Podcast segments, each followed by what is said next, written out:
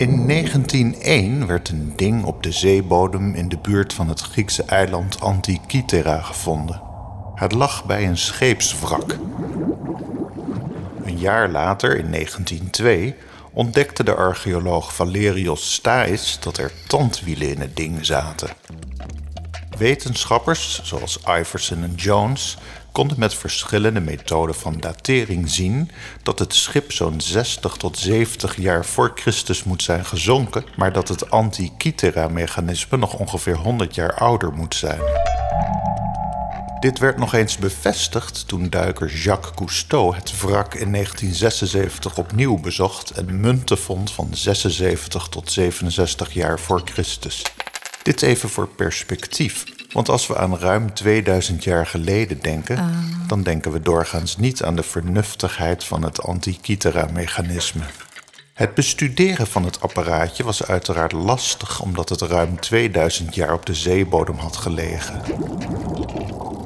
Wetenschappers gaan er bovendien vanuit dat de gevonden brokstukken niet het complete ding representeren.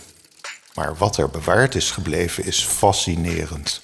Van de 82 fragmenten zijn er vier waar tandwielen in zitten.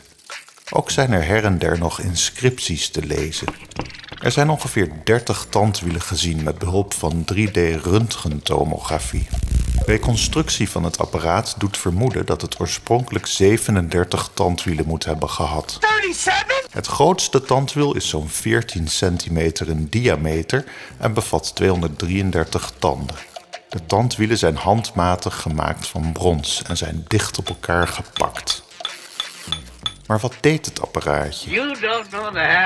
Wetenschappers hebben hier jarenlang onderzoek naar gedaan en nog steeds is niet het onbest uit de kam gehaald.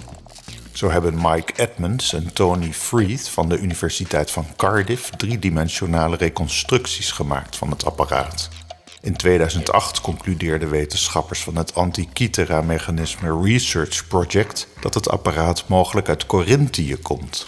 Een van die Corinthische koloniën was de Siciliaanse stad Syracuse, waar ook de beroemde wetenschapper Archimedes woonde. Het intrigerende stukje techniek wordt dan ook in verband gebracht met de wetenschappelijke school van Archimedes. Maar goed, dan weten we nog steeds niet wat het apparaat deed. Op de voorkant van het Antikythera-mechanisme staat een ring die de ecliptica voorstelt. De dierenriemsterrenbeelden met hun Griekse benamingen vinden we hierop terug, in sectoren van exact 30 graden naar Babylonisch gebruik. Een roterende ring met de namen van maanden en markeringen voor de dagen bevindt zich buiten die zodiacring. Het mechanisme moest met de hand worden bewogen door middel van een verondersteld hendeltje wat ontbreekt. Een volledige rotatie van het hendeltje beweegt de datumwijzer 78 dagen verder. Was het apparaat nog in goede conditie geweest, dan zou dit eenvoudig en precies uit te voeren zijn. Door dat hendeltje worden alle tandwielen in het Antikythera-mechanisme ook voortbewogen, waardoor een redelijk precies beeld van de stand van de planeten Mercurius, Venus, Mars, Jupiter en Saturnus ontstaat. Daarnaast worden ook de posities van de zon en de maan uitgerekend, de fase van de maan en toekomstige zons- en maansverduisteringen. Ongelooflijk genoeg was de elliptische baan van de maan compleet geïmplementeerd door vernuftige scheve tandwielen. De fase van de maan kon worden uitgelezen door middel van een roterend bolletje, half zwart, half wit, aangedreven door een differentieel tandwiel. Bekend is dat de wetenschapper Hipparchus twee eeuwen voor Christus de elliptische baan van de maan beschreef, waarbij de snelheid van de maan wisselt naarmate deze dichterbij of verder van de aarde staat. Dus alhoewel we dit soort zaken graag toeschrijven aan Newton of Kepler, was het goed mogelijk dat de makers van het Antikythera-mechanisme Hipparchus of studenten van hem hebben geconsulteerd tijdens het ontwerp van het apparaat. Zij die dit apparaat hebben gebouwd, baseerden de werking op het feit dat 235 synodische maanden uiterst precies 19 tropische jaren representeren. Tuurlijk. Er is één wijzer die tegen de klok indraait en deze voorspelt tijdgebaseerde Griekse spelen. Het gehele Antikythera-mechanisme was in een houten doos gebouwd waarbij de instructies op een deurtje aan de achterzijde zaten. Het aparte is dat de Grieken in de tijd dat het mechanisme werd geconstrueerd nog dachten dat de aarde het centrum van het heelal was en dat alles om de aarde draaide. Hens, ik twijfel hieraan. Dit verklaart ook dat de planeetberekeningen minder accuraat zijn dan die van de maan en de zon. Maar linksom of rechtsom, het is een verbluffend precies stukje techniek om astronomische gebeurtenissen te voorspellen. Zeker voor die tijd. De rationale om zoiets te bouwen is voor de hand liggend. Zaken zoals zons- en maansverduisteringen werden gezien als zeer slechte voortekenen. Dus allerlei volken wilden graag van tevoren weten wanneer ze wel of niet aanvallen op de vijand moesten uitvoeren of de luiken moesten sluiten.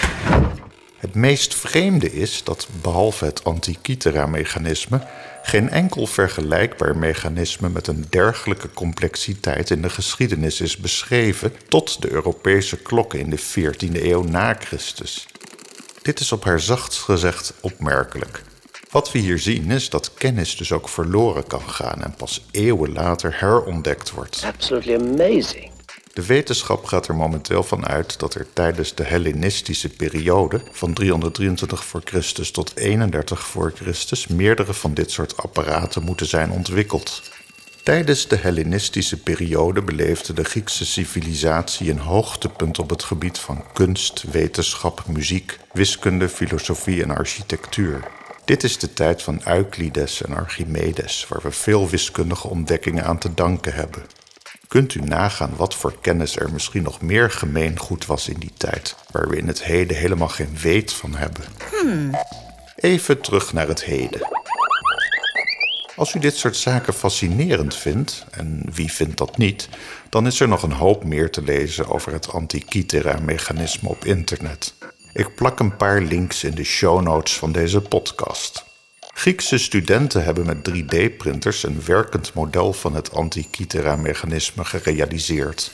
Behalve kennis over 3D-printers leerden zij hier ook over de werking van de dicht op elkaar gepakte tandwielen in relatie tot het modelleren en voorspellen van astronomische gebeurtenissen. Vergelijkbaar vernuft vindt u in Nederland in het IJsse-IJsinga Planetarium in Franeker.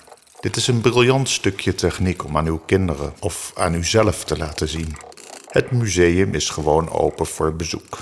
Ik ben er zelf denk ik een keer of tien geweest. Als kleine smurf praat ik altijd de gids bij over het aantal manen bij de planeten Jupiter en Saturnus. En dan paste hij zijn uitleg weer aan. De technische term daarvoor is bedweter.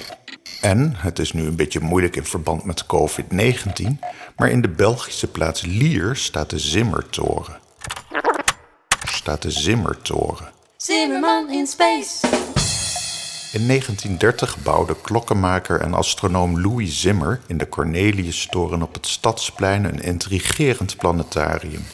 Door middel van een centrale klok ziet u hier de tijd op alle continenten, de maanfase, de getijden, de metonische cyclus van 19 jaar, die dus ook in het Antikythera-mechanisme geïmplementeerd werd, en nog vele andere klokwerken, zoals de epact die aangeeft hoe oud de maan is op 1 januari van elk jaar.